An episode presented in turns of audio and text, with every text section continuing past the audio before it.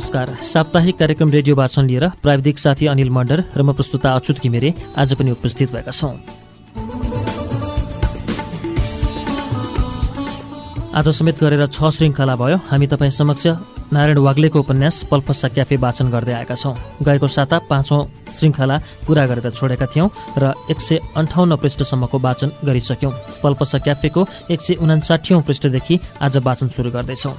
यस उपन्यासलाई पब्लिकेसन नेपालयले प्रकाशन गरेको छ र प्रकाशमा ल्याएको छ यसले नेपालयले र यसको प्रथम संस्करण सन् दुई हजार पाँचमा प्रकाशित भएको थियो। पातलो गाता भएको पुस्तकको मूल्य रु दुई सय पचास राखिएको छ भने मोटो गाता भएको पुस्तकको मूल्य रु चार सय पचास राखिएको छ। नारायण वाग्लेको यो उपन्यास सन् दुई हजार पाँचको मदन पुरस्कार प्राप्त कृति हो। पल्पसा क्याफेको छैटौँ श्रृङ्खलालाई वाचन सुरु गर्नुभन्दा अगाडि तपाईँ समक्ष राख्दैछु यो एउटा गीत।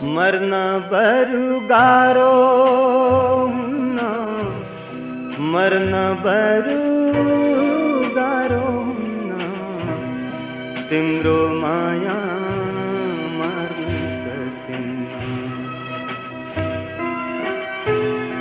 तिम्रो माया मार्नै सकिन्न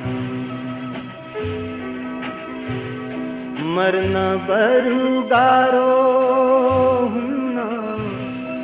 मर्न बरु गारो हुन्न तिम्रो माया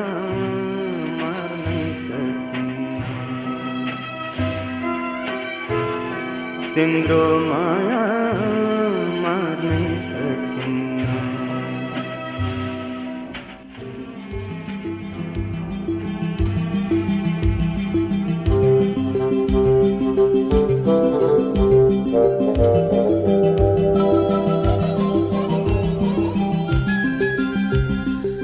गरेको भोलिपल्टै सिउँदो पुछेर हिँडेकी युवती थिए मेरो अघि अघि उकालामा। उसका आँसु कुल्ची हिँडेको छु म। बायाँपट्टि हाँगाबाट फुत्रुक्क झरेको थियो एउटा चरो पखेटा काटिएर। उसको एउटा पखेटा हाँगामै अल्झेको थियो। पखेटाको आवाजले बिथोलिँदै हिँडेको छु म। विधुवाले फेरेको सास र पखेटा छटपटाइरहेको चराको आवाज मिश्रित उकालो ढाक्दै हुइकिरहेको छ तुवालो। यो आखिरी उकालो छिचोल्न सकिरहेको छैन। काठमाडौँ धेरै टाढा छ। तुवालाले ढाकेको यो पहाडबाट म यत्तिकै फर्किन सक्दिनँ मेरो देशको राजधानी। रगतका छिट्टा लागेको कमिज टल्काउँदै त्यहाँ मेरो सुरक्षा हुने छैन। म धेरै प्रश्नहरूको घेरामा हुनेछु। म गाउँको रगत यतै पखाल्न चाहन्छु। धोएर सुकाइवरी ताजा आँखा लिएर बल्ल फर्किन चाहन्छु। काठमाडौँ जहाँ नत्र म भिडन्तमा मारिएको खबर बनेर पुग्नेछु।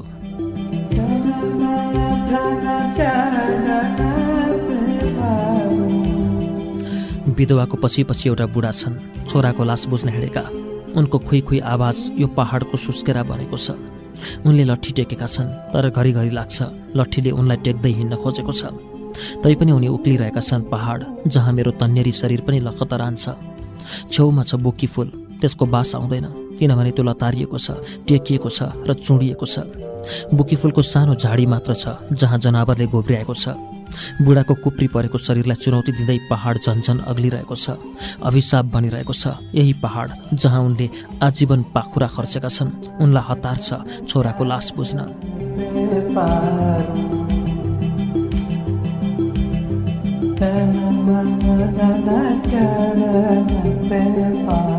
म एउटा छोरालाई गाडेर आएको छु। उनी बोलेको सुन्छु। अर्को छोराको लास खै कता छ। खोज्न हिँडेको छु। उनको हतारको सासमा कुनै आस बाँकी छैन। म त्यही हावा तान्दै बढिरहेको छु। मेरो पछि पछि छिन् एउटी बुढी उनी आफ्नी छोरीको खोजीमा छिन्। उनकी हुर्किएकी छोरी पहाडको पल्लोपट्टि खोला किनारमा डोकाभित्र मृत अवस्थामा छे। उनले चिन्नु परेको छ आफ्नो रगत। त्यो रगत नआउने भइसकेको शरीरलाई उनले अनुहार हेर्दै चिन्नु पर्नेछ त्यही अनुहार उनले दुध चसाएको बाल्यकालभरि अन्माएर पराई घर पठाइदिन बाँकी थियो। चुरा र पोते लगाएको हेर्नु थियो। सिउँदो भरिएको देख्न बाँकी थियो। अक्षर फुटाल्न त भ्याएकी थिए उसले तर राम्ररी आँखा देख्ने बनाउन सकिएन। बुढीमा उक्लिरहेकी छन् म हिँडेको पहाड हाँप र झाँप गर्दै। उनको अनुहार पनि म हेर्न सक्दिनँ। आँसु रित्तिसकेका अथवा रसाउन नसकिरहेका अभागी पहरा। त्यस्तै एउटा पहरो छ परतिर जहाँ कुनै झर्ना खसेको सुनिँदैन। पछ्यौराली मुख छोपेकी छन् उनले तुवालो ढाकिएको पहाडमा।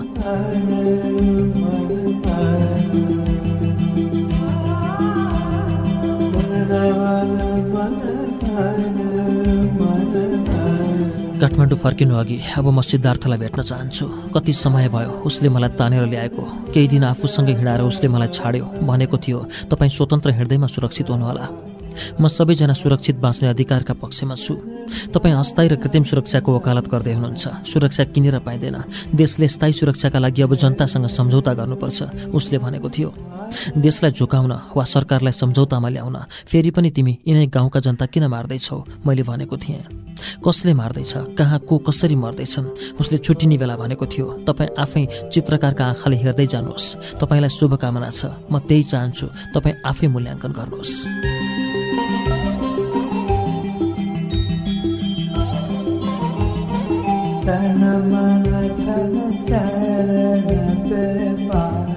अहिले सिद्धार्थ कहाँ छ? के गरिरहेछ? सिङ्गो पहाडको सिउँदो पुछिएको ऊ के गरी बिहोर्दैछ? यी अवाल बनितालाई विधुवा टुह्रा र निसन्तान बनाउने वातावरण ऊ के गरी ठुलो हेरिरहेछ? कि ऊ अर्को कतै सदरमुकाम हान्न खोज्दैछ? के गर्दैछ ऊ? म कसरी भेट्न सक्छु उसलाई? कहाँ? कुन बाटो? कसरी? कहिले म भेट्न सक्छु? भन्ज्याङ पुगेर रोकिन्छु।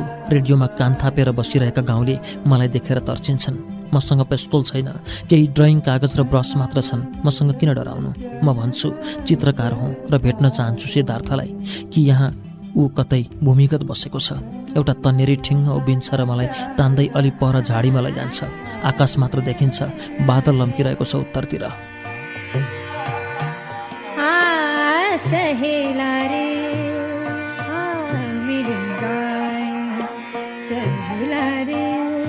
के तपाईँको असली परिचय यही हो। ऊ सोध्छ अविश्वासका तिखा आँखाले मलाई कोर्दै अनि मेरो शरीर जाँच गर्छ जुत्ता समेत खोल्न लगाउँछ रुखस्याक खोलेर पुरै जाँच पडताल गर्छ स्लिपिङ ब्याग समेत फुकाल्न लगाउँछ एउटा हेलिकप्टर फुत्त पहाडपट्टि ओर्लिन्छ। ऊ मलाई टुसुक्क बसाउँछ पाखुरा बलियोसँग समाउँदै ल आउनुहोस् मेरो पछि ऊ मलाई झाडी बाहिर ल्याउँछ। म अर्को मान्छेको पछि लाग्छु तपाईँ मसँग केही पनि प्रश्न नगर्नुहोस् ऊ मलाई सतर्क गराउँछ। कतै भिडन्त भइहाल्यो भने तपाईँ आफ्नो सुरक्षा आफै गर्नुहोला ऊ मलाई सजग गराउँछ। काँडा पन्छाउँदै हाँगा बङ्ग्याउँदै कहीँ न्युरी परेर र कतै खाल्डो उफ्रेर ऊ मलाई एउटा अज्ञात दिशातर्फ डोर्याउँछ। एउटा एक्लो घरमा पुगेपछि ऊ पनि मलाई अर्कै मान्छेको जिम्मा लगाउँछ। नयाँ मान्छे मलाई राम्ररी निहाल्छ हाँस्दैन। ऊ अघि लाग्छ म उसको पछि पछि हिँड्नुपर्ने होला। सानो बाटो छ सिसा कलमले खाली कागजमा कोरे जस्तो। अनि सानो भेलले सजिलै मेट्न सक्ने इरेजर बनेर बाटो हो कि होइन पनि ठम्याउन मुस्किल पर्ने एक घरे पाइलो राख्न मात्र पुग्ने।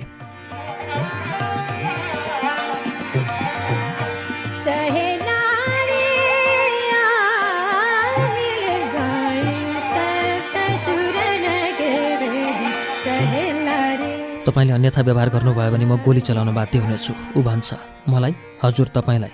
सुस्तरी बोल्नुहोस्। ऊ पछाडि नफर्की सोझो उत्तर दिन्छ। किन र? रुख बिरुवाको पनि कान हुन्छ। ऊ मलाई थप होसियार बनाउँछ। मैले त देखेको छैन। म भन्छु सके मलाई त्यो चर्को अनुशासनले केटाकेटी बनाउँदैछ। तपाईँलाई आफ्नो उमेरको ख्याल छैन? ऊ एउटा हाँगा पन्छाउँदै सोध्छ। बत्तिस वर्ष लागे। म उत्तर दिन्छु। मैले तपाईँको उमेर सोधेको होइन। सम्झाएको हुँ। ऊ हिँड्दै भन्छ सम्झिएँ। जाति भयो। ऊ बोले जस्तो लाग्छ। भिरमा पुगेर ऊ टक्क रोकिन्छ म पनि रोकिन्छु। कतै हाम फाल्नु पर्ने त होइन। पारी पनि ठ्याम्मै उस्तै भिर छ र त्यसलाई आठ दिने अजङ्गको पहाड। जङ्गलले चारैतिर ढाकेको छ र कता कति खोरिया र कता कति ससाना घर छन् खरले छाएका। टाढा ढुङ्गाले छाएको एउटा घर छ तर आँखा खान्छ त्यस परको स्कुलले। टिनले छाएको पहाडको स्वरूप र प्रकाश नै बिगार्ने गरी ऊ सिटी बजाउँछ र कान थाप्छ। पारीबाट पनि उस्तै आवाज आउँछ उसको सिटीको प्रतिध्वनि पछ्याउँदै उताबाट बजेको सिटीको प्रतिध्वनि सुनिँदैन।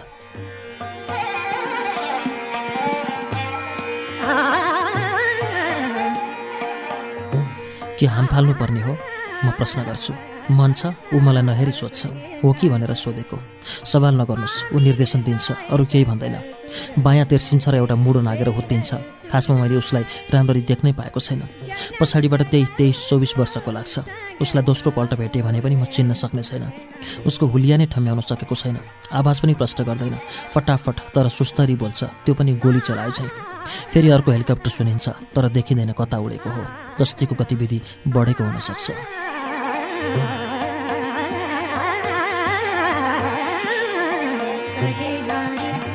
तपाईँको हाड पनि चिल्ले नभेट्न सक्छ। उसले मलाई धम्क्याउँदै भन्यो अन्त हेरेको स्वाङ पार्दै उभिरहेकी एउटी केटी देखिन्छे अलि परतिर।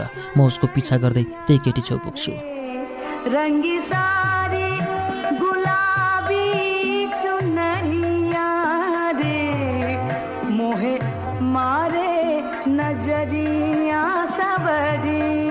अब मैले उसलाई पछ्याउनु पर्ने रहेछ। त्यो केटो गयो कता गयो मैले चाल पाइनँ। केटीले त एकपल्ट पनि नहेरी मलाई आफ्नो पछाडि लगाई। उनीहरू दुईजना बिच केही कुरा भएको पनि मैले थाहा पाउन सकिनँ। बहिनीको बिहा भयो म उसलाई सोध्छु। त्यसको केही अर्थ छ ऊ मलाई नहेरी प्रति प्रश्न गर्छे। अलिबेर ओह्रालो लाग्नुपर्ने रहेछ। ऊ छिटछिटो हिँडिरहेकी थिए मलाई सकस पार्ने गरी। बहिनीलाई यो पाइन्ट सुहाएको छ म फेरि भन्छु किन किन मुख सिलाइरहेको छ? तपाईँले गोली देख्नु भएको छैन जस्तो छ ऊ भन्छे सुस्तरी। किन र? देखेको भए मनमा यस्तो कुरा आउँथेन ऊ भन्छे। उसरी नै हिँडिरहेकी उसरी नै बोलिरहेकी छ। यसो हेर्छु उसले पाइन्टभित्र घुसारेको हतियार देख्छु। त्यसलाई पछ्यौराले सपक्क ढाकेकी छ। खोला तर्नु परे रहेछ। एउटा बुढो मुडो तेर्साइएको थियो। उसले त टक टक कपडाको खेलाडी जुत्ता चम्काई। फिल्ममा हिरोनी हुनुपर्ने मान्छे। मेरो मुख त्यसै त्यसै छुच्चो हुन्छ। तपाईँलाई मेरा साथीहरूले नबोल्नु भन्नु भएन? ऊ अगाडि बढ्दै मेरो झाँको झार्न खोज्छे। सवाल नगर्नुहोस् भनिएको थियो। म उत्तर दिन्छु। अनि किन त? के? मसँग किन बोल्दै हुनुहुन्छ? ऊ सोध्छे मन थाम्न सकिनँ। क्षमा पाऊ म भन्छु तपाईँको सुरक्षा मेरो हातमा छैन ऊ मलाई तर्साउन खोज्छे। असुरक्षा त छैन होला म प्रति प्रश्न गर्छु। तपाईँमा भर पर्छ ऊ सतर्क गराउँछे।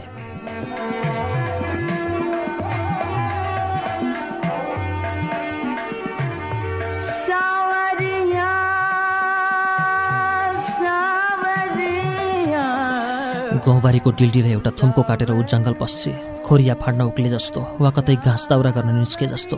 तर उसले पाइन्टभित्र आधुनिक हतियार लुकाएकी छ। मानव हत्या गर्ने हतियार उसको शरीरमा लिपिक्क टाँसिएको छ। सुन्दर फुललाई सर्पले बेरे जस्तो।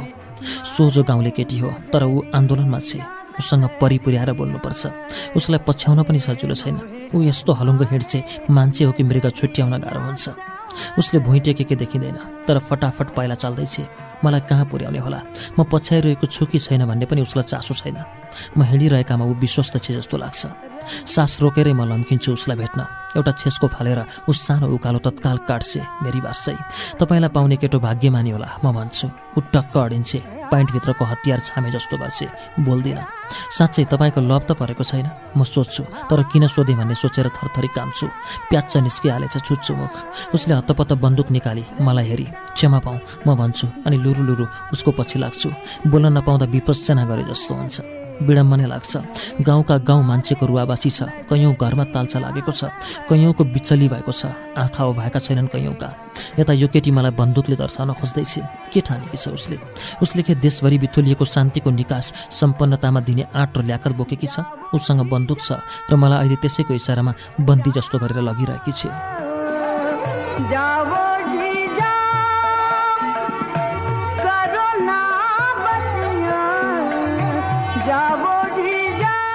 बोलीले पनि हुन्छ नि बहिनी। बन्दुक देखाउनु पर्छ र म भन्छु।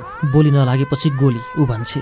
के बोलीले नलागेर आज देशमा गोली चलाउनु परेको हो त? म सोध्छु। हामीसँग के विकल्प थियो? ऊ प्रति प्रश्न गर्छे र फेरि सम्झाउँछे म चाहन्छु तपाईँलाई बोलीले नै लागोस्। गोली त मैले पनि देखेको छु। म आफ्नो पाइन्टको पलतिर सङ्केत गर्दै भन्छु म पनि बचेर आएको मान्छे हुँ। सधैँ बचिँदैन ऊ झस्काउन खोज्छे। एउटा कुरा भन्नु बहिनी नरिसाउनु होला म भन्छु तपाईँको हातमा बन्दुक सुहाउँदैन। के हाम्रो हातले चुरा मात्र बजाउनु पर्छ त? ऊ उसरी नै सुस्तरी मलाई मुक्काभन्दा डरो प्रश्न हान्छे चुराले अरूलाई मार्दैन। म उत्तर दिन्छु। ऊ भन्छे बन्दुक आफ्नो सुरक्षाका लागि हो। आज म बलियो छु त यसैका कारण। कति दिनसम्म? म प्रश्न गर्छु। जति दिन बाँचिन्छ निडर बाँचिन्छ। ऊ उत्तर दिन्छे जीवनलाई किन छोटो बनाउनु? जान्दा जान्दै म फेरि प्रश्न गर्छु औचित्यहीन लामो जीवन बोझ हो। ऊ उत्तर दिन्छे बन्दुकको जीवन पनि औचित्यपूर्ण? म प्रश्न गर्छु। चुरा बजाएर अर्काकी कमारी बन्नुभन्दा ऊ भन्छे साँच्चै बहिनी फेरि नरिसाउनु होला है म सोध्छु। ऊ रोकिन्न। तर मेरो चिलाएको मुख किन रोकिन्थ्यो? सोधिहालेँ के तपाईँ कुमारी हुनुहुन्छ?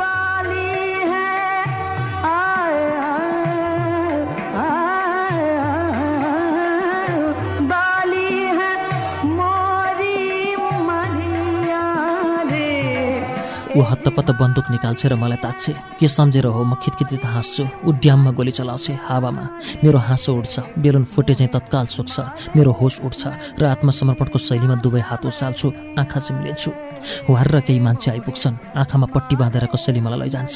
केही बेर अझै उकालो लाग्नुपर्ने रहेछ। तिनीहरू फेरि मेरो जिउ खानतलासी गर्छन् रुखस्याक खोतल खातल पार्छन्।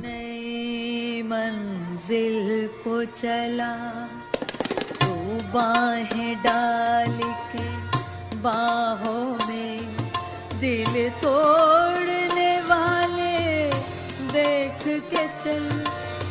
हम भी तो पड़े हैं राहों एउटा सानो रमणीय उपत्यकाको छेउमा मेरा आँखा खुलिएका छन्। म छक्क पर्छु। त्यस केटीको त मुखै बाँधिएको छ। उसले बिराम गरी भएर साथीहरूले सजाय होलान् भन् ठान्छु।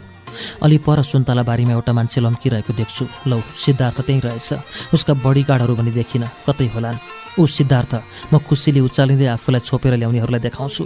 केटी उफ्रिन्छे केही बोल्न खोजे जस्तो गर्छे तर उसको मुखको पट्टी खोलिएको छैन। बिचरीलाई किन अझै बन्द गरिरहेको होला भन्ने सोध्छु तर बोल्न सक्दिनँ। पहिला सिद्धार्थलाई भेट्न चाहन्छु। दिल तोड़ने वाले देख के चल। हम भी तो पड़े हैं राहों में। हम भी तो पड़े हैं राहों में। सिद्धार्थ भनेर के शब्द निकाल्दै थिएँ ती मानिसले मलाई अचानक अफ्काए चुप लाग। तिनीहरूले हतियार निकाले। सुन्तला टिप्न लागिरहेको सिद्धार्थले हामीलाई देख्यो। मैले हात हल्लाएँ तर अचम्म। ऊ त एक्कासी भाग्न थाल्यो। मनेरी उभिएका केटाहरू हतियार लिएर सिद्धार्थतिर दौडिए। मैले बुझिनँ के भएको हो। म उभिरहेँ मुख बन्द गरिएकी केटी छौ तिनीहरू दौडिरहेका थिए। उता सिद्धार्थ हातको सुन्तला फालेर भागिरहेको थियो। केटीले मलाई लात्तो हानी अनि केही हाउभाउ गर्न खोजी। उसको हातको रस्सी खोलिदिएँ। ऊ आफैले मुख बेर्ने रुमाल फुकाई। उता हेरेँ सिद्धार्थ त ती केटाहरूबाट सुन्तला बोट छेउ पुरै घेरियो।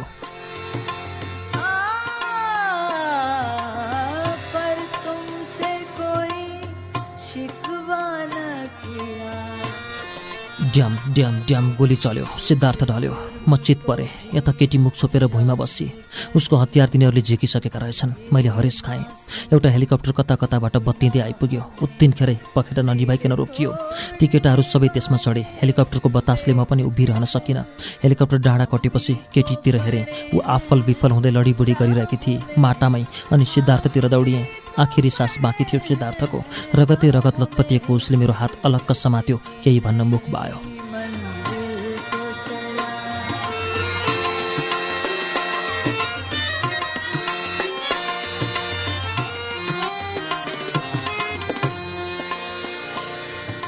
जब सरी सिद्धार्थ मैले रसिला आँखाले भने मेरो न्युमा तिम्रो आज यो अवस्था भयो। मलाई थाहा थिएन तिनीहरू को हुन्। उसले मुख मात्र चलायो। मैले बुझिनँ उसको आँखा देखेर मेरो मन भाडियो। कस्तो निर्मल सम्मोहनकारी आशाको रस भरिएका आँखा पिल पिल पिलपिल गरिरहे निम्ने बेलाको दियो झैँ। रगत पोतिएको मुख चलाइरह्यो तर आँखा सधैँ तन्दुरुस्त थिए चलबलाइरहे। एकटक आखिरी दृष्टि दिए मलाई मेरो भक्कानो छुट्यो ऊ निभ्यो।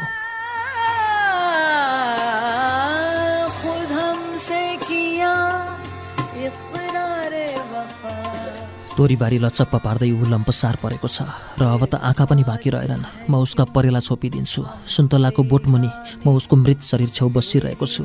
मेरा आँसु बर र उसैमाथि पर्छन्। म आज मेरै साथीको रगतले रङ्गिएको छु। ऊ छेउ बसिरहन्छु।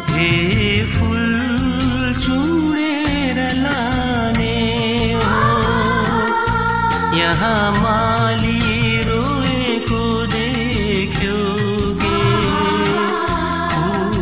की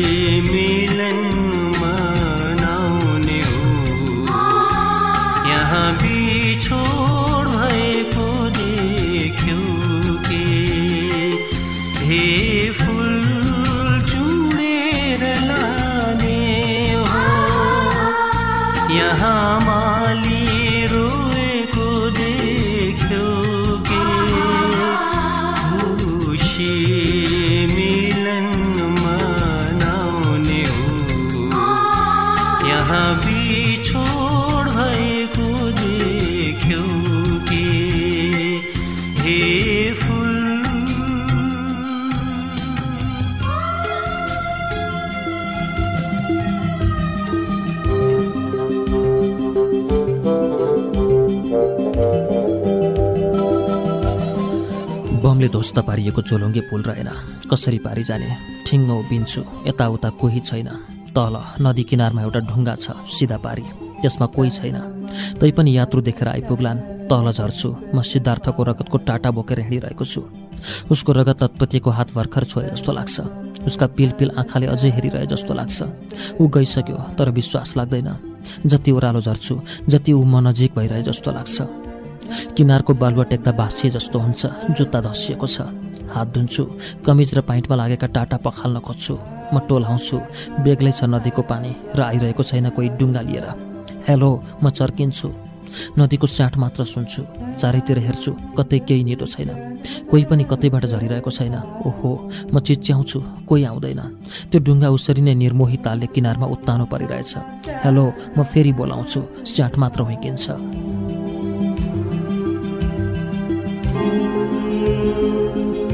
म यो नदी किनारमा किन उभिरहनु परेको छ?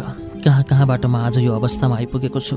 सिद्धार्थले किन मलाई गाउँ ल्यायो फेरि उसले किन मलाई यही भेग ल्यायो जहाँ म जन्मेको थिएँ हुर्केको थिएँ मित लागेको थिएँ यही वनपाखा भिर पहरामा हेलो हेलो म फेरि बतासिन्छु। हो फेरि कराउँछु। बालुवामा झन्झन दस्सिँदै जान्छु सिटी हाल्छु तैपनि कोही आउँदैन।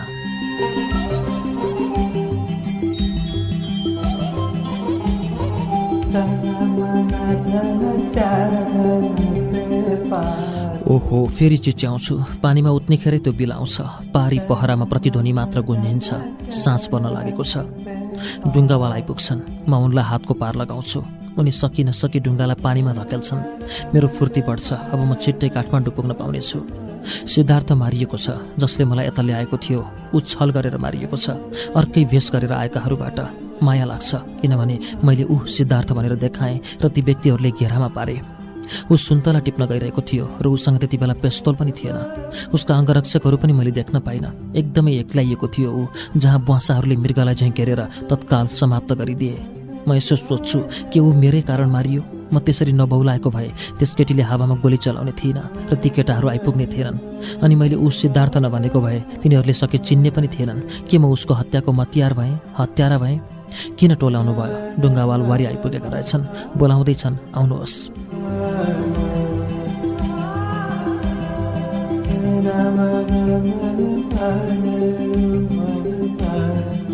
ढुङ्गासँगै स्मृतिले मलाई खियाइरहेको छ कि मैले त्यसरी भेट्न नखोजेको भए ऊ मारिने थिएन। मलाई त्यस्तो लाग्दैन। उसले भनेकै थियो म खुकुरीको धारमा हिँडेको छु। हो उसले त्यस्तै जीवन रोजेको थियो। उसले डरभर सम्पूर्णतः परित्याग गरेको थियो। आफू पनि होमिएको थियो र अरूलाई पनि त्यसरी नै होमेको थियो। म उसलाई भेट्न नगएको भए पनि ऊ मारिने थियो। हेलिकप्टर उडिरहेकै थियो। त्यतिखेरै नमारिएला तर अकाल मृत्यु त उसले रोजेकै थियो। ऊ डराएको थिएन तर ओहो म फेरि सम्झिन्छु त्यो क्षण। ऊ मृग चाहिँ भाग्न खोज्दै थियो तत्काल घेराबन्दीमा पर्यो।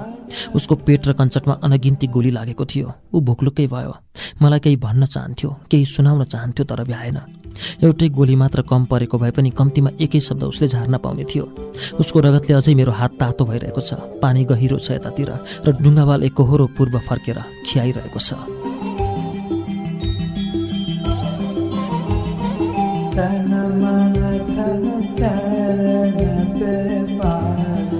मैले उससँग यात्रा गर्दा आफ्नै भूमिलाई नयाँ आँखाबाट देख्न पाएँ। मैले समाजको नयाँ रचनाको सम्भावना पनि देखेँ। त्यसमा चित्र कोर्न सकिन्छ लय हाल्न सकिन्छ गुन्जन भर्न सकिन्छ। एउटा चित्र जस्तो कविता जस्तो सङ्गीत जस्तो म उसको सहयात्रामा सानो संसार च्याउन पुगेँ। तर ऊ आफू त खुकुरीको धारमा हिँडेकै थियो। सँगसँगै यस पहाडलाई पुरै खुकुरीमा परिणत गरिदिएको थियो। कैयौँ तन्नेरी उसको बहकाउमा परे। भुल भुलैयामा तिनले हतियार समाते। हतियारको मात लागेपछि त ओहो यो पहाड पुरै बिथोलिएको छ।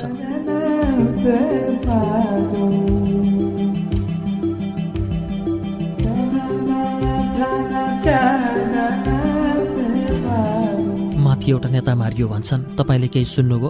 डुङ्गावालले मलाई पानी छाप्दै भने म भन्न सक्दिनँ म बोल्न सक्दिनँ म प्रकट हुन सक्दिनँ। ऊ मेरो कति आत्मीय थियो तर उसैको रगत लिएर आएको छु म कसरी देखाउन सक्छु? के कुनै लेखक उपन्यासकार कवि चित्रकार सङ्गीतकारले यस्तो परिस्थिति सामना गरेको छ? ऊ भन्थ्यो मैले यो देशको समयलाई थोरै भए पनि नयाँ सङ्गीत दिने आन्दोलनलाई साथ दिएको छु। ऊ अहिले खरानी बनेको छ। खरानी बनेको छैन। कतै गाडिएको छ। केही समयमा एउटा अस्थि पञ्जर बन्ने छ ऊ। तर उसको जीवन आश र प्राण मेरो अनुभवमा सङ्ग्रह भएको छ। समयको स्वाभाविक प्रवाहप्रति निराश बनेपछिको व्यवहारबाट ऊ आफै विदा भएको छ। म उसको आखिरी नाडी छामेर हिँडेको छु। पानीमा सुकेका पात तैरिँदै बगिरहेका छन्। सुकेको पातको विगत एउटा जीवन हो। रुख अझै उभिरहेको छ। कतै माथि डाँडामा वा खोल्सामा जहाँ नयाँ ऋतुले अर्कै पातहरूलाई जन्म दिनेछ। भेल काट्न डुङ्गावाल अझै जोड लगाइरहेका छन्।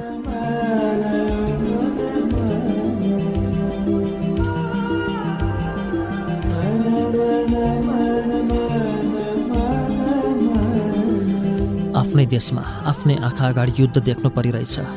यो धेरै कठिन छ। आफ्नैहरूको मरण देख्नु हगि भाइ डुङ्गावाल भन्दैछन्। उनी मलाई झस्काउँछन् म आफै घटनाको नजिक घटनालाई छुँदै हिँडेको मान्छे। आफैले भोगेर भाग्दै फर्केको मान्छे। उनी मलाई तिनै दृश्यमा रिगाइरहेका छन्। सुन्तला टिपिरहेकी केटी मितिनी भेट्न केरा लिएर हिँडिरहेकी बालिका छोरा गुमाएर उदास भइरहेका बुढाबुढी रातभरि आक्रमणको खैला बैलाले रन्थनिएकी लस्की साउनी र उनको सानो छोरो। बम पड्केको देख्ने छिमेकी स्कुल जान छोडेका बच्चा बच्ची बिस्तारै हिँड्नुहोस् भनेर अर्ती दिने गाउँले। दाउराको भारी चाहिँ भित्तामा अडिसेका घाइते प्रहरी म रिङ्गिरहेको छु म आफै अल्मलिरहेको छु कतै म एउटा सपनाको यात्राबाट त फर्किरहेको छैन।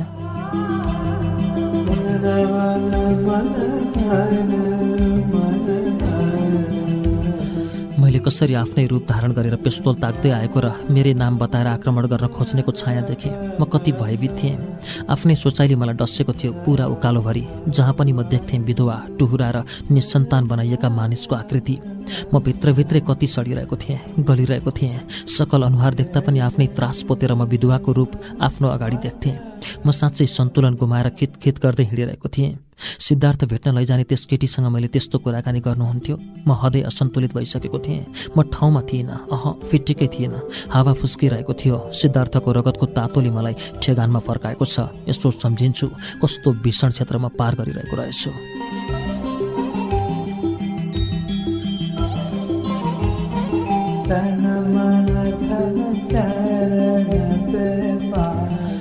नबोलौँ तर्कन आइरहन्छ। बोलौँ बेग्लै अर्थ लाग्ला। डुङ्गावाल भनिरहेका छन् तपाईँ को हो? मलाई भ्यू छैन। एउटा कुरा गरौँ तपाईँ बन्दुक निकाल्न सक्नुहुन्छ। अर्को कुरा गरौँ तैपनि मलाई बन्दुक तेर्स्याउन सक्नुहुन्छ। उनी कस्तो विधि चिन्तित छन्? मलाई नदी तारिरहेका छन् तर मैबाट आफूलाई असुरक्षित ठानिरहेका छन्। मेरै सुरक्षा दिइरहेका छन् तर मैबाट आफ्नो ज्यानको खतरा देखिरहेका छन्। मैले परिचय हराएको छु म बाहिर एउटा देखिन्छु तर म भित्रको व्यक्तिबारे अरूमा भ्रम फैलिएको छ आशंका बढेको छ अनुहार मेरो पेट बोली हुन छाडेको छ तैपनि उनी कस्तो प्रेमपूर्वक मलाई सुरक्षित गन्तव्यको प्रत्याभूति दिइरहेका छन्।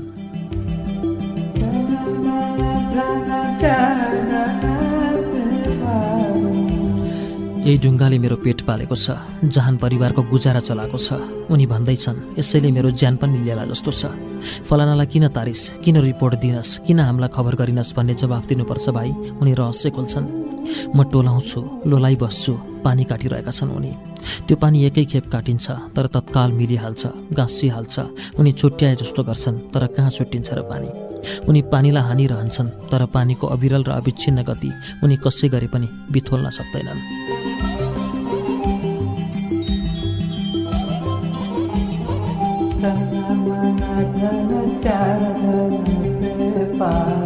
सिद्धार्थले यो भेगमा बिथोलेको थियो पानी। ऊ भन्थ्यो हामी तरङ्ग नयाँ सिर्जना गर्दैछौँ। ऊ आफै एउटा भुल्का भनेर बिलाएको छ।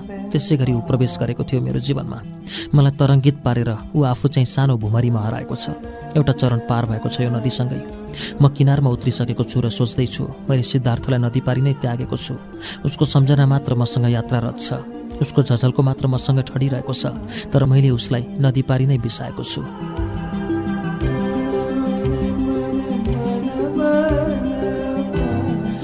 नौलो परिवेशबाट गुज्रेर काठमाडौँ फर्किँदैछु जहाँ मलाई सुनाउनु छ मेरो आफ्नै साथी एउटा विद्रोही नेता बनेर मारिएको छ। ऊ पानी झैँ कल्पना बन्न पुगेको छ। त्यसको आकार र आवाज म समाज समक्ष प्रस्तुत गर्न सक्दिनँ। के म यो पानीको स्वरूप बोकेर लैजान सक्छु? सपना जस्तो महिनौ लामो यात्रा समापन भएको बिन्दुमा उभिएर म नयाँ समयतर्फ प्रस्थान गर्न खोज्दैछु।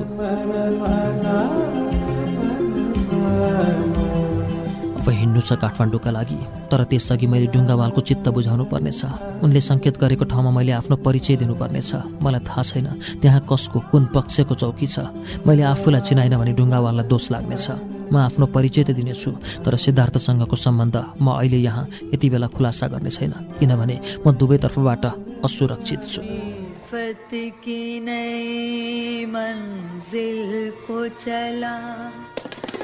बाहें डाल के में दिल तोड़ने वाले देख के चल।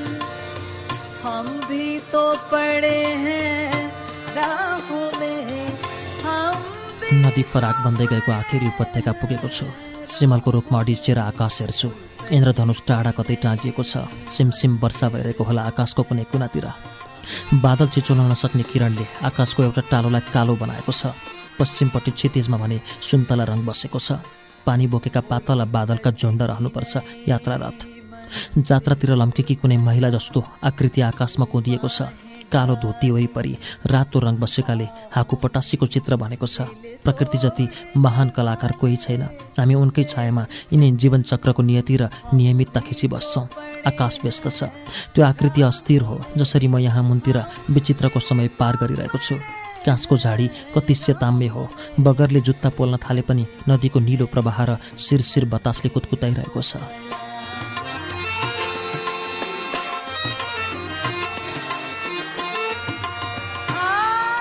सुनको दिन एक उदाउँछ रे। गुनगुनाउँदैछु लामो अँगालो हाल्न मन लाग्ने फराकिलो बाटो एक्लै तय गर्दा मनमा उठ्ने नाना भाँती विचारले चञ्चल बनाइरहेको छ। सिमल फुल्ने याम कुन हो? सेतो काँस साडीतिरबाट चरोफुत्त उडेको छ। बस स्टेसन पुग्न पुरा एक दिन हिँड्नुपर्नेछ मैले यो नदीसँगै बगर हुँदै टाढा पुग्नुपर्नेछ एक्लै।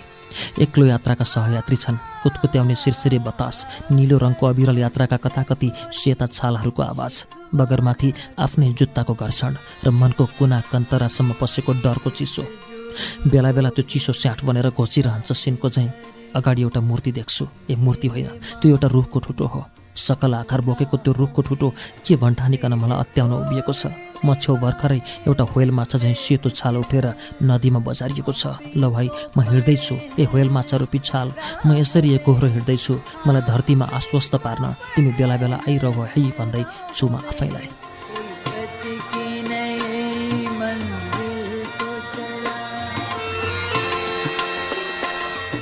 म पछाडि कसैले खोकेको छ। एकजना तन्नेरी देखेँ। ढाडमा पोको पाकेर हिँडिरहेको। म अल्मालिएँ उभिए जस्तो भयो। उसले आँखामा सिधै हेऱ्यो। केही भनेन। मेरो ओठ पनि खोलेनन्। ऊ अगाडि बढ्यो। काँस झाडीको सेतो पछ्यौरा हावामा फरफराइरहेको थियो। कति रमणीय छ यो काँसी उपत्यका। काँसले सेतै रङ्ग दिएको यो नदी किनार। मैले उसलाई पछ्याएँ। उसको गति तीव्र छ। पोकामा के होला? चामल वा हतियार? वा दुवै हुन सक्छ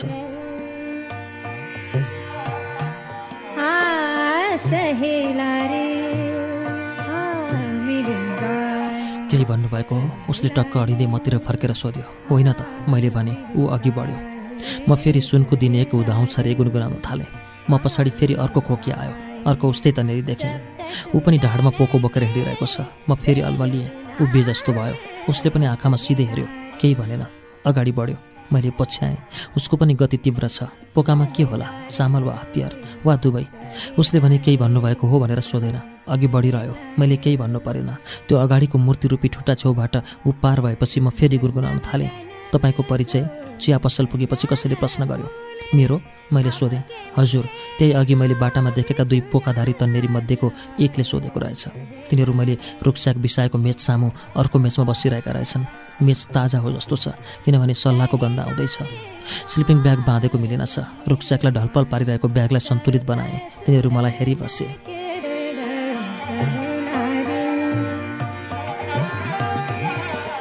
म एक यात्री हो। अहिलेलाई यात्री नै भनौँ। मैले भने कुरो प्रश्न पार्नुहोस् न अर्को चाहिँले कर गर्यो। गाउँ घुम्न आएको काठमाडौँ फर्किँदैछु मैले भने। के गर्नुहुन्छ? चित्र बनाउँछु। कस्तो? कस्तो भन्ने खै आधुनिक कला हो मैले गर्ने।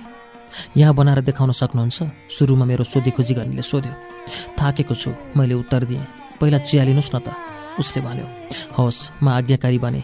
बिस्कुट चोबलेर खाएको ओहो कति दिनको भोको रहेछु। त्यति साह्रो स्वाद त अहिलेसम्म केहीमा पनि बसेको छैन। बिस्कुट थप्नुहुन्छ अर्को चाहिँले सोध्यो।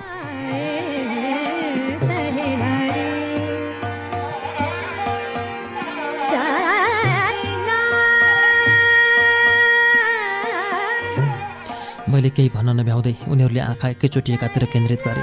म पनि त्यतै दृष्टि दिन बाध्य हुने गरी अरू पोकाधारी तन्नेरीहरू आउँदै रहेछन्। तिन चारजना केटी पनि मिसिएका थिए। ती हुवारहुवारी आए। नबोलिकन मेचहरूतिर बसे। मैले अर्को पुरिया बिस्कुट सक्न अर्को खेप चिया पनि मगाएँ। तिनीहरू आपसमा कोही बोलिरहेका थिएनन्। अब बनाउन सक्नुहुन्छ? उसले सोध्यो। मैले चिया पसलकी चाउनीतिर हेरेँ। तिनी मलाई हेरिरहेकी रहेछन्। पोकाधारी मध्येका तिनजना पसलभित्र पसेका थिए। उनी तिनीहरूसँग व्यस्त हुन थालिन् केमा? मलाई थाहा छैन। गुन्द्रुङ गुन्द्रुङ स्वर आयो। निको चाल लागेन। दुई तिन बच्चा बच्ची खेल्दै थिए। मैले रुखसाकबाट स्केच सामग्री झिकेको तिनले हेरेँ। ड्रइङ पेपर र कलर पेनहरू निकालेको थिएँ। एउटा सानो बच्चाले मेरो पेन छुन खोज्यो। अरू पनि झुम्मिए। टेबलमाथि म सगना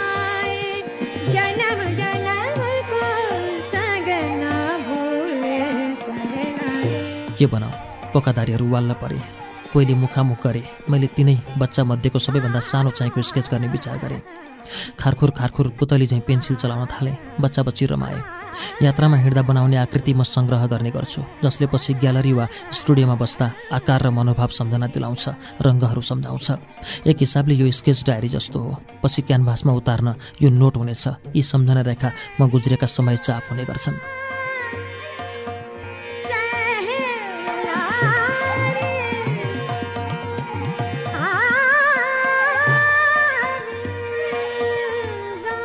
बालक हाँस्न थाल्यो जसको खाका म निकाल्दै थिएँ।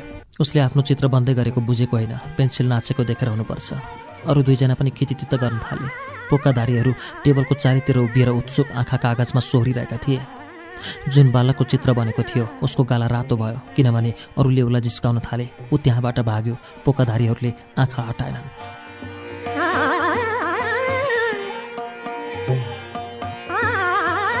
एकजना बुजुर्गले टेबलमा पिस्तोल राख्दै भन्यो अब यसो गरौँ न अध्यक्ष कमरेडको बनाउन सक्नुहुन्छ।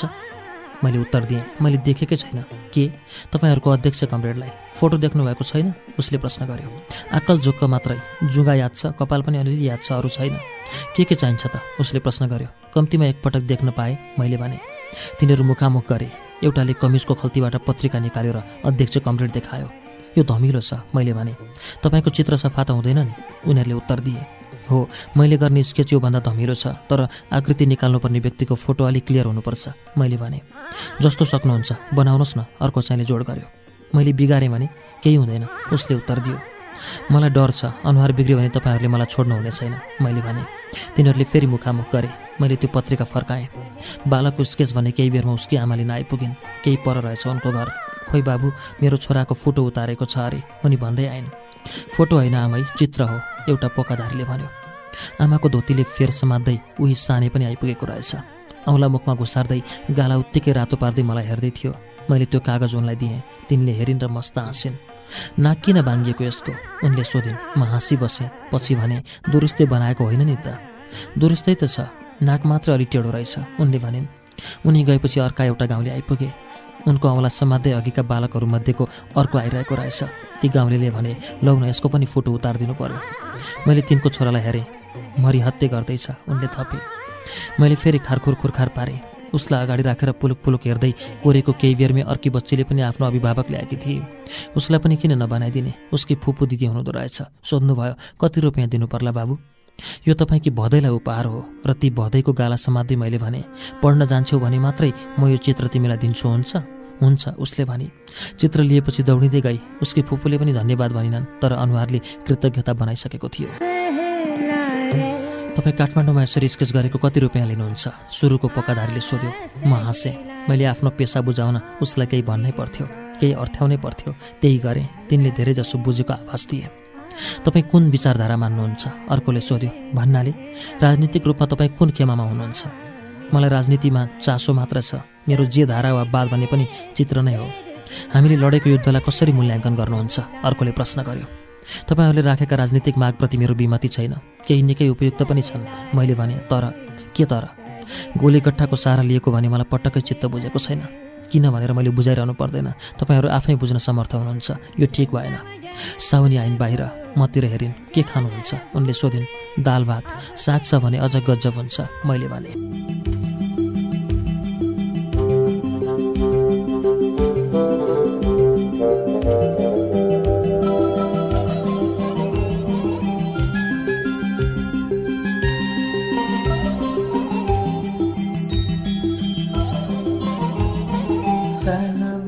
फर्किन् पोकाधारीहरूमध्ये केहीले भित्रै भान्सामा गएर आफै खाना बनाउन थालेको मैले चाल पाएको थिएँ। साँझ तिनले रेडियो छेउ कान थापे। बिबिसीले देला एउटाले भन्यो के विषय हो? भन्ने मैले बुझ्न सकिनँ। टेबलमा लालटिन आइसकेको रहेछ। तिनले अपुङ्गेका पोका पिँढीमा राखिसकेका रहेछन्। एकजना भने पत्रिका पढिबसेको थियो। अरू पनि रहेछन् पत्रिका पढ्ने। बासी पत्रिका हुनुपर्छ ती। उतापट्टि बसेका दुईजनाको धमिलो कुराकानीबाट मैले सिद्धार्थको चर्चा भइरहेको अनुमान गरेँ। मुटु ढक्क भयो तर नहुन पनि सक्छ। तपाईँहरू कता नि मैले सोधेँ अर्को भेग जाँदैछौँ। हेलो एउटाले फोनमा बोलेको देखेर म झस्केँ ए यिनीहरूसँग त फोन पनि रहेछ। लामो सुइरो तानेर उसले दुई तिनपल्ट हेलो भनेपछि बल्ल सम्पर्क हुन सकेको देखियो। कोड भाषा म के बुझौँ? सेटेलाइट फोन लिएर हिँड्ने भनेपछि यिनीहरू शक्तिशाली होलान् भन्ने अनुमान गरे।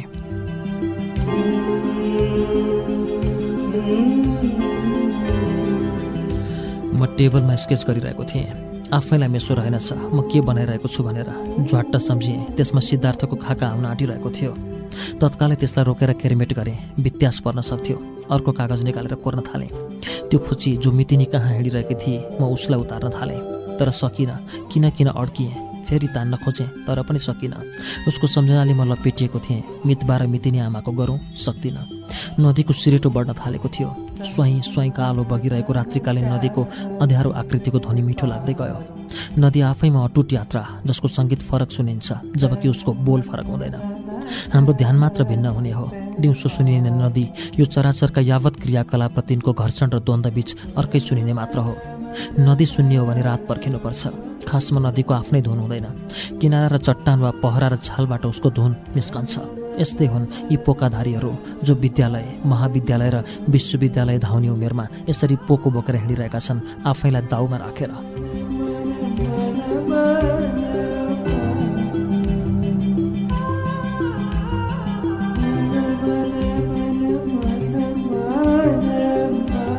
मैले अघि भर्खर स्केच गरेका बच्चाहरू यस्तै हुनेछन् भोलि। जब तिनको अगाडि किनारा र चट्टान वा पहरा र समयको छालले जीवन प्रवाहमा घर्षण दिनेछन्। सल एउटी सानी बालिकाको आवाज सुने। आवाजतिर फर्केर हेर्दा मेरो कमिजमा सानो औँला चलाउन आएकी त्यही बच्ची रहेछ जसको अघि मैले चित्र कोरेको थिएँ भनी हाम्रो घला आउनुले।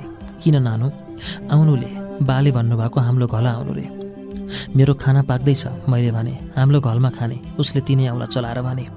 दुःख नमान ल मेरो खाना यहीँ पाकिसक्यो। म भोलि बिहान चिया खाना आउँछु हुन्छ? हुन्छ। ऊ दौडेर गई। त्यो अँध्यारोमा पनि उसले आफ्नो बाटो ठम्म्याएकी थिए। ऊ तुरुन्त हराई हावाको बेग झैँ वा नदीको छाल झैँ उसले काटेको अँध्यारो हावा मतिर बढ्यो।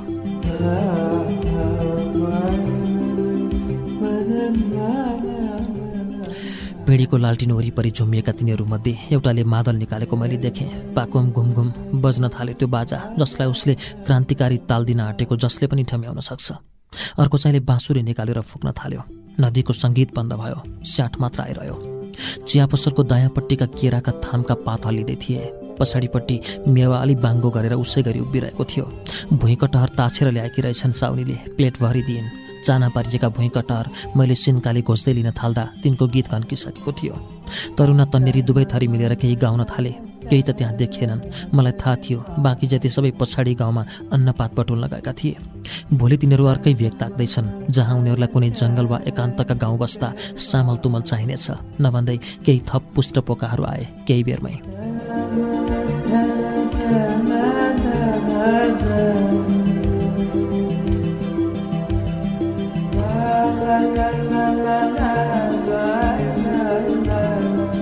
रायोको सागको बास्ना आइहाल्यो तोरीको तेलमा परपर पारेको।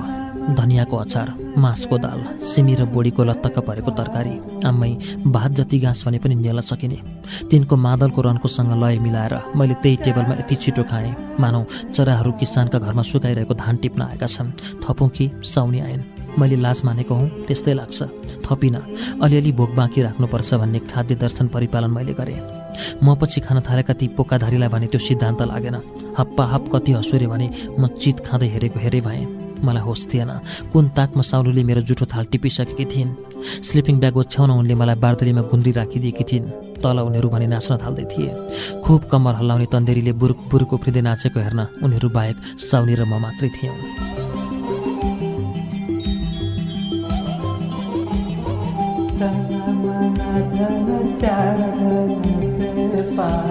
एक्कासी मादल रोकिएपछि मैले मुन्टु घुमाएर तल आँगनमा हेरेँ। एउटा रेडियो बटार्दै थियो। आयो बिबिसी नेपाली सेवाको चिर परिचित समाचार धुन। म भने पल्टिएँ। तिनीहरू किन यसरी ध्यानमग्न भई समाचार सुन्छन्? जो आफ्नै ज्यान हत्केलामा राखेर हिँडिरहेका छन् तिनलाई किन यति विघ्न कहाँ के भइरहेछ भन्ने चाख्छ त्यसबेला फोनधारी व्यक्ति सके टोली नेता हुनुपर्छ। ऊ अलि पर गएर सुइरो हलाउँदै हेलो हेलो भन्न थालेको सानो सुनिन्थ्यो। मलाई बरु उसकै स्केच गर्न लगाएको भए हुन्थेन। तिनीहरू आफ्नो अनुहार खिच्न लालाहित देखिएनन्। मैले ब्यागको टोपीमा टाउको घुसार्नु अघि खल्तीबाट कफीको ट्याब्लेट निकालेर जिब्रोमा राखेँ।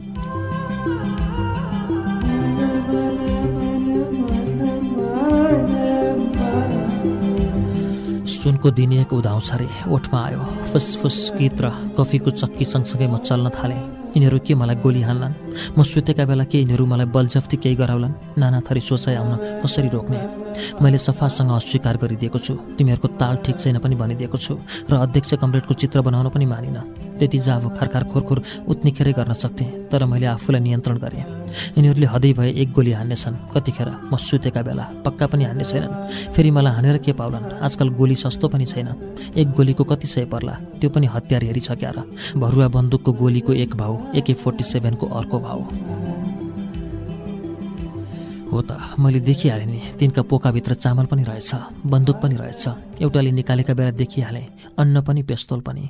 अन्न सराबर गोली। गोली पनि चामलको गेडाभन्दा धेरै ठुलो हुँदैन क्यारे। कुनै कुनै फुलेको मकैको गेडोभन्दा ठुलो हुन्छ। मलाई सदरमुकामा लागेको गोली त लाम्चो खालको छ। ए खै त त्यो छामछाम छुमछुम पारे यहीँ रहेछ धतलाटा।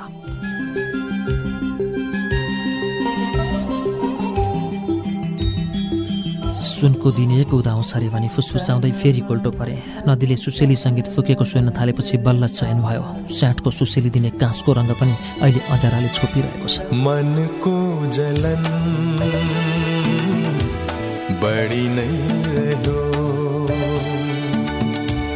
घाउ सम्झनाको दुखी नै रह्यो।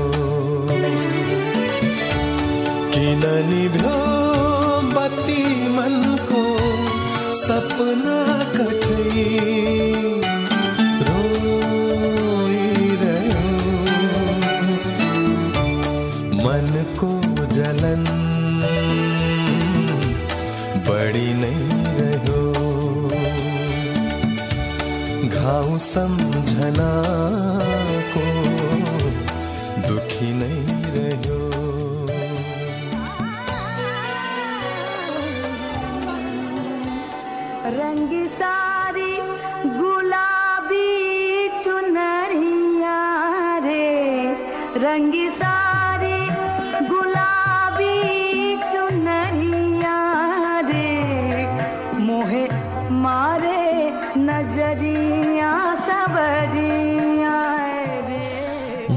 यात्रामा गुड्न लागेको नाइट बसको हर्न बज्यो।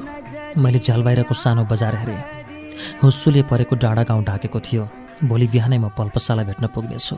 म फर्केको गाउँ गुराँस जङ्गल तोरीबारी सुन्तला रसाएका कान्ला मितिनी भेट्न हिँडेकी बालिका स्कुल जान हिँडेको किशोर महिनौ बिताएका पहाडका बारेमा म एक एक घटना सुनाउनेछु।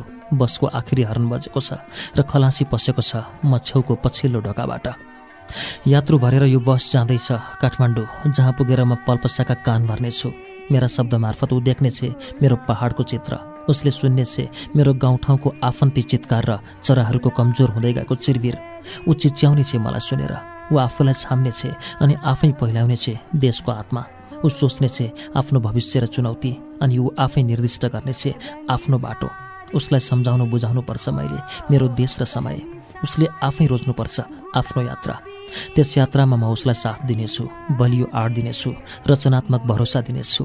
म चित्र लेख्नेछु आफ्नो भोगाईको भूगोल अनि ऊ दृश्यमा उतार्नेछ यो भोगाई अनि यो भूगोल। म चित्र दिनेछु ऊ दिनेछ गति म बाँडी दिनेछु उसले दिनेछ भाका म रङ्ग दिनेछु अनि ऊ दिनेछ लय। म र मेरी प्रिय मिलेर यो देशलाई दिनेछौँ आकार अनि त्यसमा भर्नेछौँ आवाज। हामी मिलेर दुनियाँलाई सुनाउनेछौँ हाम्रो देशको काल र कथा।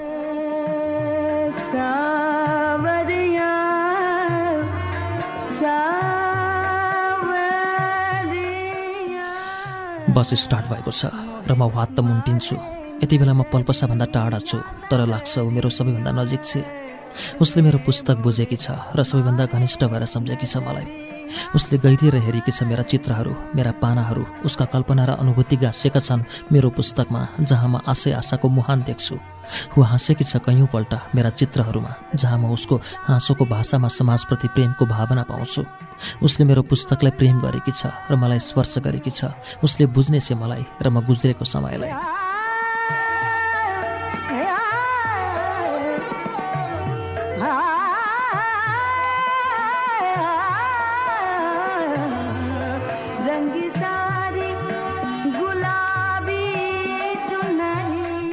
टेकेको भूगोललाई उसले प्रेम गर्नेछ। मेरो कलालाई उसले उत्तिकै स्नेह गरेकी छ भने मेरा चित्रहरूका रेखा उसले ठम्याउनेछ।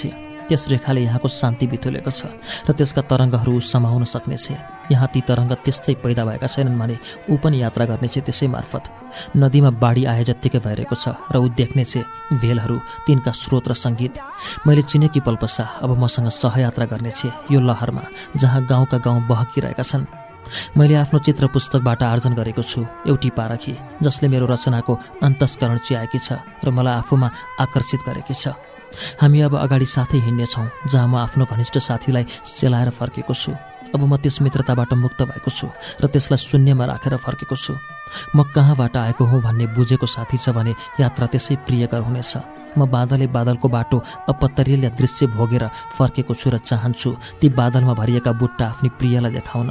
ऊ मेरो मनमा प्रवेश गरेकी छ र मैले तय गरेको बादल यात्रा उसैले राम्ररी बुझ्न सक्नेछ।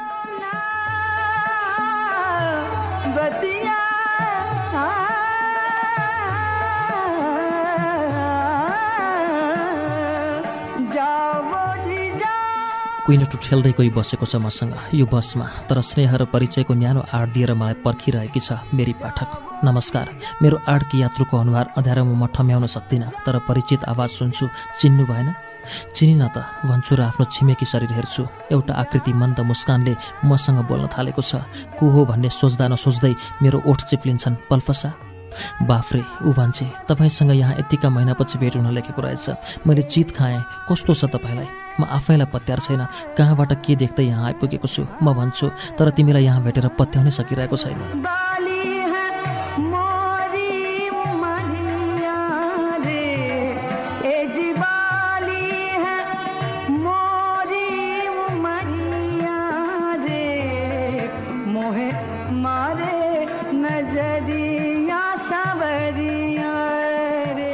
उसले गुनासो गरी अचानक हराउनु भयो तपाईँ। चित्रकारहरू यस्तै हुन्छन् जस्तो लाग्न थाल्यो बिस्तारै। म तपाईँलाई बिर्सँदै जान सजिलो मान्दै गएँ। सम्झिन थाल्यो भने तनाव हुन्थ्यो। म धेरै सकसमा परेकी थिएँ। के गर्ने पल्पसा? म जुन साथीको लहै लहैमा घुम्न आएँ उसैको रगत लतपतिको हातमा विदाई गरेर आएको छु। मैले भने के भयो? ऊ झस्किँदै सोध्छे। कलेजकालको मेरो एउटा साथी थियो। धेरै वर्षपछि भेट भयो। उसँगै पहाड घुम्न आएँ। अन्तिममा ऊ आफै मृगझैँ घेरियो र मारियो। उसले त्यो रोजेकै थियो। म चकित भइन तर जुन तरिकाले ऊ मारियो र त्यसमा आफू पनि कारक भएकामा म स्तब्ध छु। उसले अँध्यारो अनुहार मतिर फर्केको थियो जिज्ञासाले।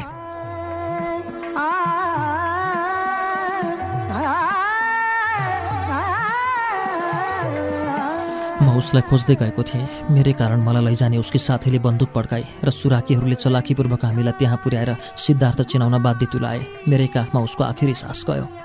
ऊ केही बोलिरहेकी थिएन फगत मतिर हेरिरहेकी थिए। बस गुडिरहेको थियो। एउटा घुम्ती काट्न लाग्दा अर्कातिरबाट आएको एउटा ट्रकको प्रकाशबाट मैले उसलाई अलिक खुलस्त देख्न पाएँ। उसलाई त्यति एक टुक्रा क्षण देख्न पाएँ।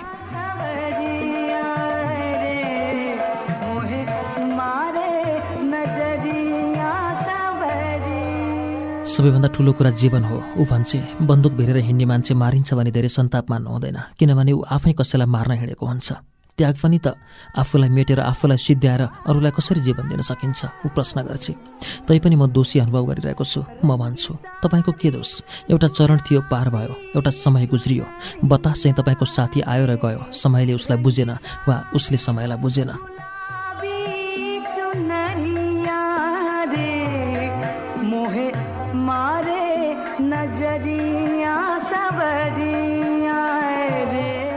त अहिले केही सोच्न सकिरहेको छैन। म भन्छु सिद्धार्थको घटनाले मलाई प्रभावित गरेको छ। ऊ आफैले मलाई काठमाडौँबाट तान्यो र यस्तो भेगमा पुर्यायो जहाँ मैले बिथोलिएको आफ्नो देश भोगेँ। चित्रकारको रूपमा तपाईँलाई त राम्रै अनुभव भयो नि ऊ भन्छे। बचेर आएँ। धन्य छ। तिमी यहाँ कसरी म सोध्छु। मैले तपाईँलाई भनेकै थिएँ म डकुमेन्ट्री फिल्म बनाउन चाहन्छु। अनि खिच्दै हिँडेकी थिएँ। के? जान पाइनँ। कहाँ? सदरमुकाममा सुरक्षाकर्मीले गाउन जान सुझाव दिए। तैपनि मैले डिपी कसेँ तर केही बेर हिँड्न साथ च्याप्पा मान्छेहरू आए। अनि तिनले ओहो मलाई तिन पुस्ते सोधपुछ गरेर हैरान पारे। झोला खान तलासी लिए अनुमति नलिए किन आएको भनेर हप्काए। मैले आफ्नो बेली विस्तार लगाएपछि कसैलाई सोध्नुपर्छ भनेर मेरो नाम र हुलिया लिएर गए। मलाई त्यहाँभन्दा केही पर दुई दिनसम्म एउटा घरमा बन्दी जस्तै बनाए।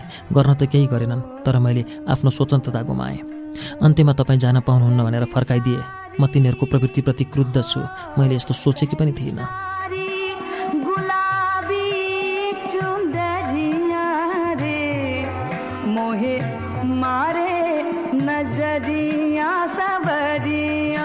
पल्पसा भन्दै गई तिनले सारा गाउँलेलाई बन्धक जस्तै बनाएका छन्। कसैलाई आफ्नो अनुमति बेगर हिँडुल गर्न दिँदैनन्। दिस इज सिम्पली डिक्टेटरसिप यस्तो खटनपटन उनीहरूले भोलि ल्याउन खोजेको व्यवस्थाको सङ्केत हो। बन्दुकको तुजोको मात्र त्यो आउन सक्छ जनताको मतले होइन।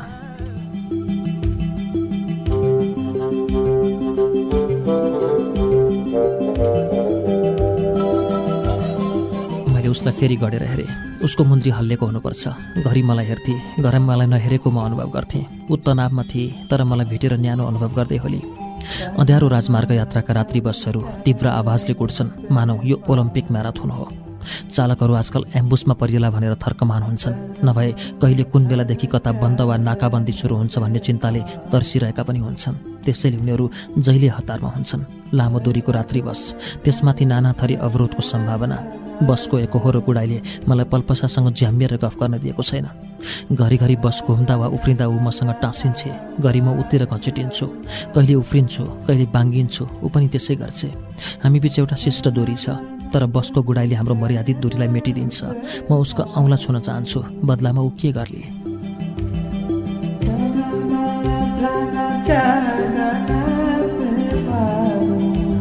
भन्दै थिए मैले सबैका आँखामा त्रास देखेँ। आफै त्रसितहरूले के गर्न सक्छन्? म क्यामेरा भिरेर हिँडेकी केटीसँग डराउने लाछीहरू लाछीहरू मैले उसको शब्द सापट्टि लिएर भने ऊ राखेकी थिए। क्यामेरासँग डराउनु भनेको तपाईँ आफै भन्नुहोस् न के हो?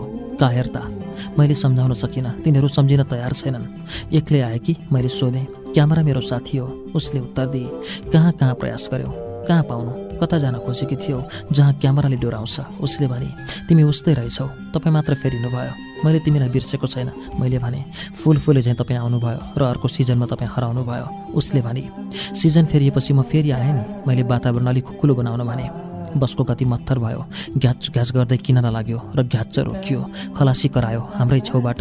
लो पिसा फेरौँ है।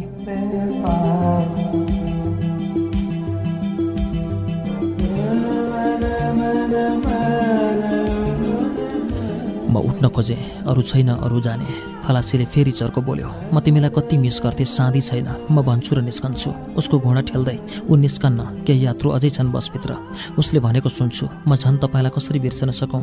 हजुरआमा सधैँ तपाईँको कुरा गर्नुहुन्छ। मेरो सबै सन्ताप मेटिएको छ तिमीलाई यहाँ भेटेर भन्दै झर्छु। मेरो बोलिसकेको छैन। म तिमीलाई कति चाहन्छु भन्ने सायदै तिमीलाई थाहा होला। मैले यति भने। नजिकको झाडीतिर अरू यात्रु रहेछन्। उठी उठी पिसाब फेरिरहेका। म अलि टाढा जान्छु। बसको हर्न बज्छ कस्तो हतारिएको ए होइन एउटा जिप उताबाट आइरहेको रहेछ त्यसको आवाज रहेछ त्यो त्यो जिप हाम्रो बस्नेर आइपुगेको रहेछ हाम्रो बस बिस्तारै गुड्न थाल्छ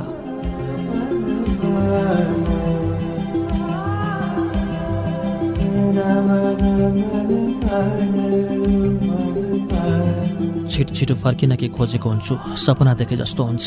एउटा भयानक आवाजले भुइँमा पछारिन्छु। मुन्टो सडकमा दोब्रिन्छ। मानिसको चित्कार कति विधि छ भने म आफूलाई छाम्छु। विश्वास लाग्दैन। फेरि छाम्छु। सडक पुरै बलेको छ उज्यालाले। भर्खर भएको विस्फोटनले म छल्याङ छुलुङ हुन्छु। आफूलाई कुल्चेर अरू भाग्न थालेपछि म पनि जुरुक्क उठ्छु। बस त वार वारी बलिरहेको छ। म चिच्याउँछु। पल्पसा।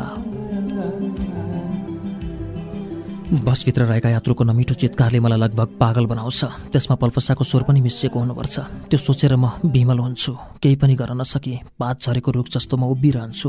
अरू केही सोच्न सक्दिनँ। अरू भागिरहेका छन् तर म भाग्न पनि सक्दिनँ। डाँडातिर मसलाको मुस्लो देखिन्छ र त्यो क्रमशः माथि माथि उक्लिँदै जान्छ। माथिबाट ती मसलाधारीले बिछ्याएको धरापमा हाम्रै बस परेछ। जीप सुरक्षित भयो जसबाट निस्केका हतियारधारी प्रहरीले तत्काल डाँडातिर फायरिङ गर्न थाले। हामी जो जो बचेका थियौँ सबै जहाँ पुगेको हो त्यहीँ तत्काल रोकिन उर्दी सुरु भयो। मनेरी दुईजना यात्रु होस गुमाएर उत्ताना टाङ लगाइरहेका थिए।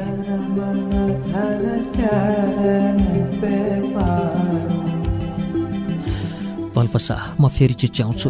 बसभित्र रहेका कोही पनि बचेनन्। कसरी बचुन्? चट्याङ परेको रुख चाहिँ त्यो बस हेर्दा हेर्दै खुम्चिन थाल्यो। आगो बलिरहेको थियो।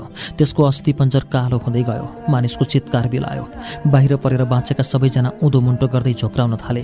भुर्र उडेको चरा झैँ मेरो सोचाइ कल्पना कामना सबै भङ्ग भएर गयो। म थरथरी काँपिरहेको थिएँ। म बाँचेको थिएँ किनभने म बसबाट निस्केँ। पल्पसा बिती किनभने ऊ बसबाट निस्किन। निस्कनु र ननिस्कनुको झिनो भेदले मेरो जीवन बचेको छ र उसको जीवन गएको छ। कुनै कारण छैन मेरो बचाइ र उसको मराइमा। म जीवन पाइरहेको छु र ऊ बिना कारण मृत्युवरण गर्न बाध्य भएकी छ। म न पुरुषार्थ गरेर बाँचेको हुँ न ऊ कुनै कमजोरी बस मरेकी हो। यो अपराध हो कायरता हो। यहाँ तर्क र विवेक हराएको छ। म किन बाँच्दैछु र पल्पसा किन मरेकी छ?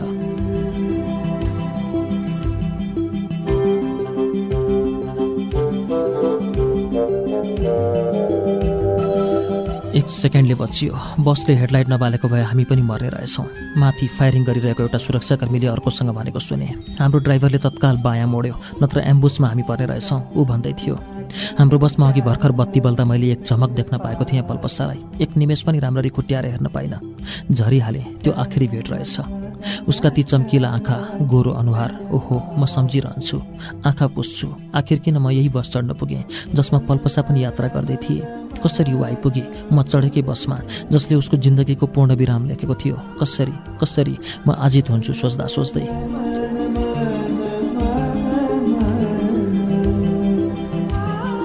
बिहान भरेर पत्रकारहरू आइपुग्छन्। अनगिन्ती क्यामेरासहित खोला छेउ बिहानी सिरेटो चल्न थाले पनि मलाई हनहनी ज्वरो चाहिँ भइरहेको छ। काप्न छाडेको छैन। घाम उदाउँदा रातिको घटना सपना भनेर पुछिए हुन्थ्यो भने लागिरहन्छ। तपाईँ कसरी बस्नुभयो? एउटा प्रश्न गर्छ। पिस्सा फेर्न झरेको थिएँ। म काँप्दै भन्छु के देख्नुभयो? बस चलेको देखेँ। कसरी विस्फोट भयो? कसरी प्रहरी भ्यान जोगियो? अनगिन्ती प्रश्न ती गर्न थाल्छन्। बसमा तपाईँ एक्लै हुनुहुन्थ्यो? भिडको पछाडि उभिएको अर्को रिपोर्टरले सोद्धा म फेरि झस्कन्छु। तर के उसलाई यसको जवाफ दिउँ किन दिउँ मसँग सिटमा को थियो र ऊ मेरो को थिए भन्ने सार्वजनिक गर्नुको कुनै तुक छैन। म चुप लाग्छु। क्यामेराहरू मतिर तेर्सिरहेका छन्। म आँसु पुछिरहेको छु।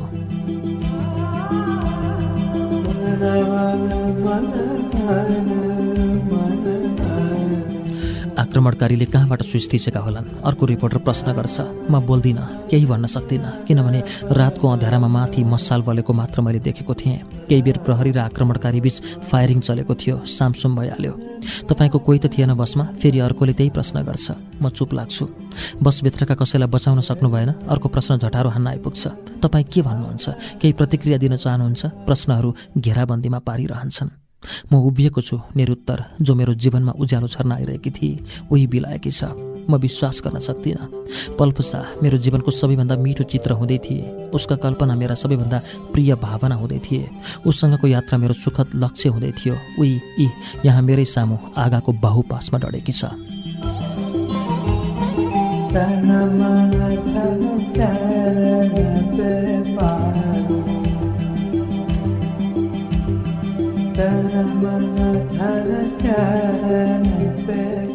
त्यो विचारी जो आफ्नो रोजाइको जीवनका लागि परिवार र परम्परासँग सङ्घर्ष गरिरहेकी थिए उही समयको लक्कामा विलिन हुन पुगेकी छ। म उभिरहेको छु जहाँ भर्खरै समयले घाइते पारेको दृश्य आफ्ना अगाडि ठुलो परीक्षा लिन तैनात छ। म बस्छु केही बेर। उठ्छु फेरि उठिरहन्छु केही बेर। बस्छु फेरि उफ। म मेरी प्रियले अँगारेको रूप लिएको मुचुल्काको साक्षी कसरी बन्न सक्छु? म कहाँ छातीमा खरानी तिनको मनाइदेऊ न छातीमा लगाऊ।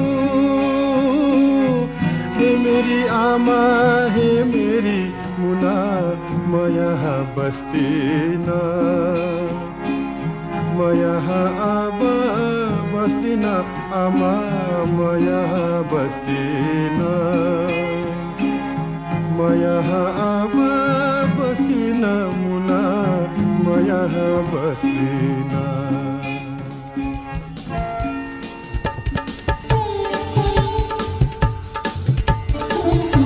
रेडियो वाचनमा हामीले वाचन गर्दै आएको पल्पसा क्याफे एक सय अठासीौँ पृष्ठमा आएर फेरि आजका लागि हामीले विश्राम लिएका छौँ। दुई सय पैँतालिस पृष्ठको यो उपन्यास अझै आउँदा श्रृङ्खलाहरूमा हामी वाचन गर्दै जानेछौँ। नारायण वाग्लेको उपन्यास पल्पसा क्याफेको छैठौँ श्रृङ्खला आजको लागि वाचन यति मात्रै। पल्पसा क्याफेको बाँकी वाचनको लागि अर्को हप्ता प्रतीक्षा गर्नुहोला। अहिलेसम्मको वाचन तपाईँलाई कस्तो लागिरहेको छ कृपया प्रतिक्रिया पठाउनुहोला। हाम्रो कार्यक्रमको ठेगाना हो कार्यक्रम रेडियो वाचन पोस्ट बक्स नम्बर आठ नौ सात चार सिपिसी चौरानब्बे काठमाडौँ नेपाल। इमेल ठेगाना जिएचआइएमआइआरई एसिएचवाइयुटी Ghimire Achyut at Gmail dot कम हवस् त अर्को हप्तासम्मका लागि प्राविधिक साथी अनिल मण्डर र म अच्युत घिमिरे बिदा माग्छौँ। आज्ञा दिनुहोस् नमस्ते। you